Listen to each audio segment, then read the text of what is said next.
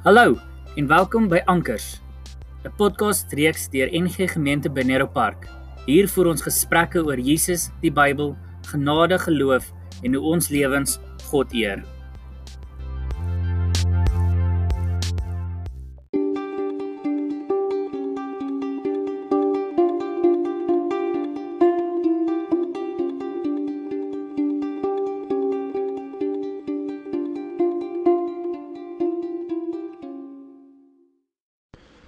Goeiemôre. Dit is weer 'n koue Dinsdagoggend, die 30ste Junie, die laaste dag van Junie. Ons lees 2 Timoteus 3.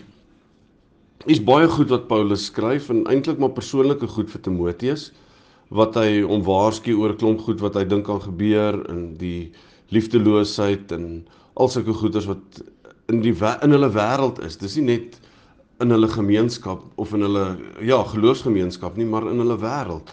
Hy sê daar sal mense wees wat in vers 2 wat grootpraterig en arrogant is en ongehoorsaam aan hulle ouers en ondankbaar en so en hulle sal niks as heilig beskou nie. daarmee praat hy van as kosbaar, spesiaal en so. Sal liefdeloos, onvergewensgesind wees. Geen selfbeheersing, sal wreed wees en geen belangstelling hê in wat goed is nie. Hulle sal vriende verraai en roekeloos wees, hooghartig en hulle sal plesier liewer hê as vir God. Dit was vers 2, 3, 4. Vers 5 sê hulle sal optree asof hulle godsdienstig is, maar dit wat aan die Christelike godsdiens sy innerlike krag gee, ignoreer. En jy moet wegbly van sulke mense af. En dan gaan dit so aan, dis amper die trant en dan die laaste tweede laaste vers dan is dit daai bekende vers van 2 Timoteus 3 vers 16 wat sê die hele skrif is deur God geïnspireer en is nuttig om ons te leer hoe om te lewe en regte leefstyl en so aan. Ek wil vanoggend stil staan by 'n ding. Daar's twee goed wat ons ons kinders leer van kleintyd af. En dit is dat die lewe onregverdig is. Dis die een ding, die lewe is onregverdig. En die ander ding is dat life happens. Die lewe gebeur. Maak nie saak wat ons doen nie, maak nie saak wat my ingesteldheid is nie. Maak nie saak hoe my kop dink oor die goed nie. En ons sien dit in dit wat Paulus hier vir Timoteus skryf. Daar's twee goed na aan wat ek wil sê na aanleiding van dit. 'n Kollega van my um in die ring van Birchley is gisteraand terwyl sy besig was om kos uit te deel, sy 'n paar keer met 'n mes in haar arm gesteek. Die lewe is onregverdig. Life happens. En wat moet ons as gelowiges maak daarmee? Baie van ons sal sê ja, dis net genade dat sy nie baie seerder gekry het nie. Ek wil daarvan verskil. Ons gebruik genade baie keer in die konteks van gelukkig het niemand iets oorgekom of wat ook al nie.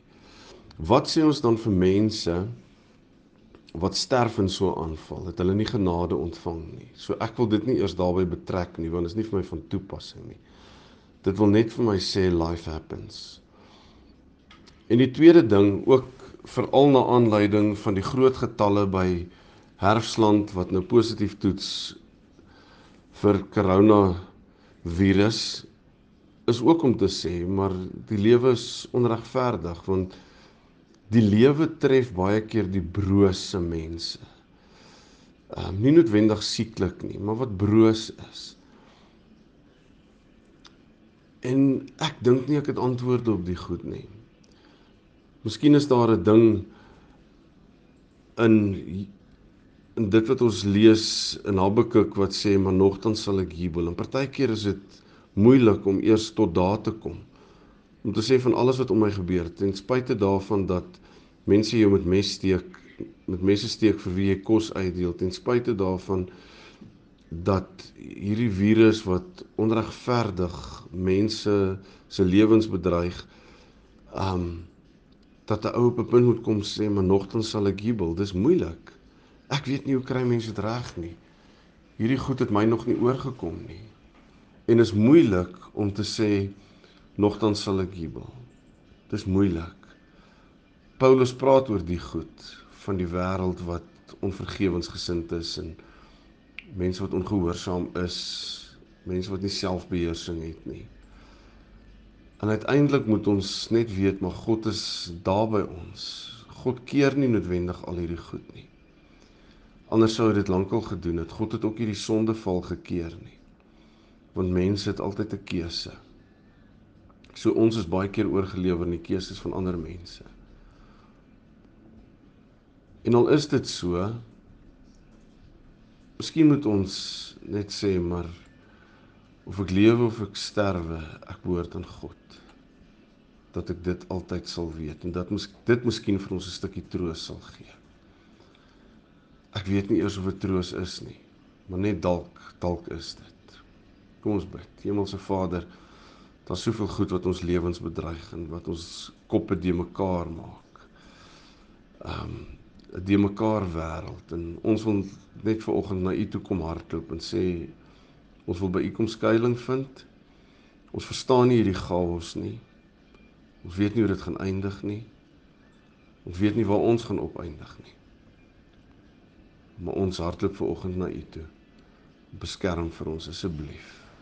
In Jesus se naam bid ons dit. Amen. Lekker dag verder vir almal.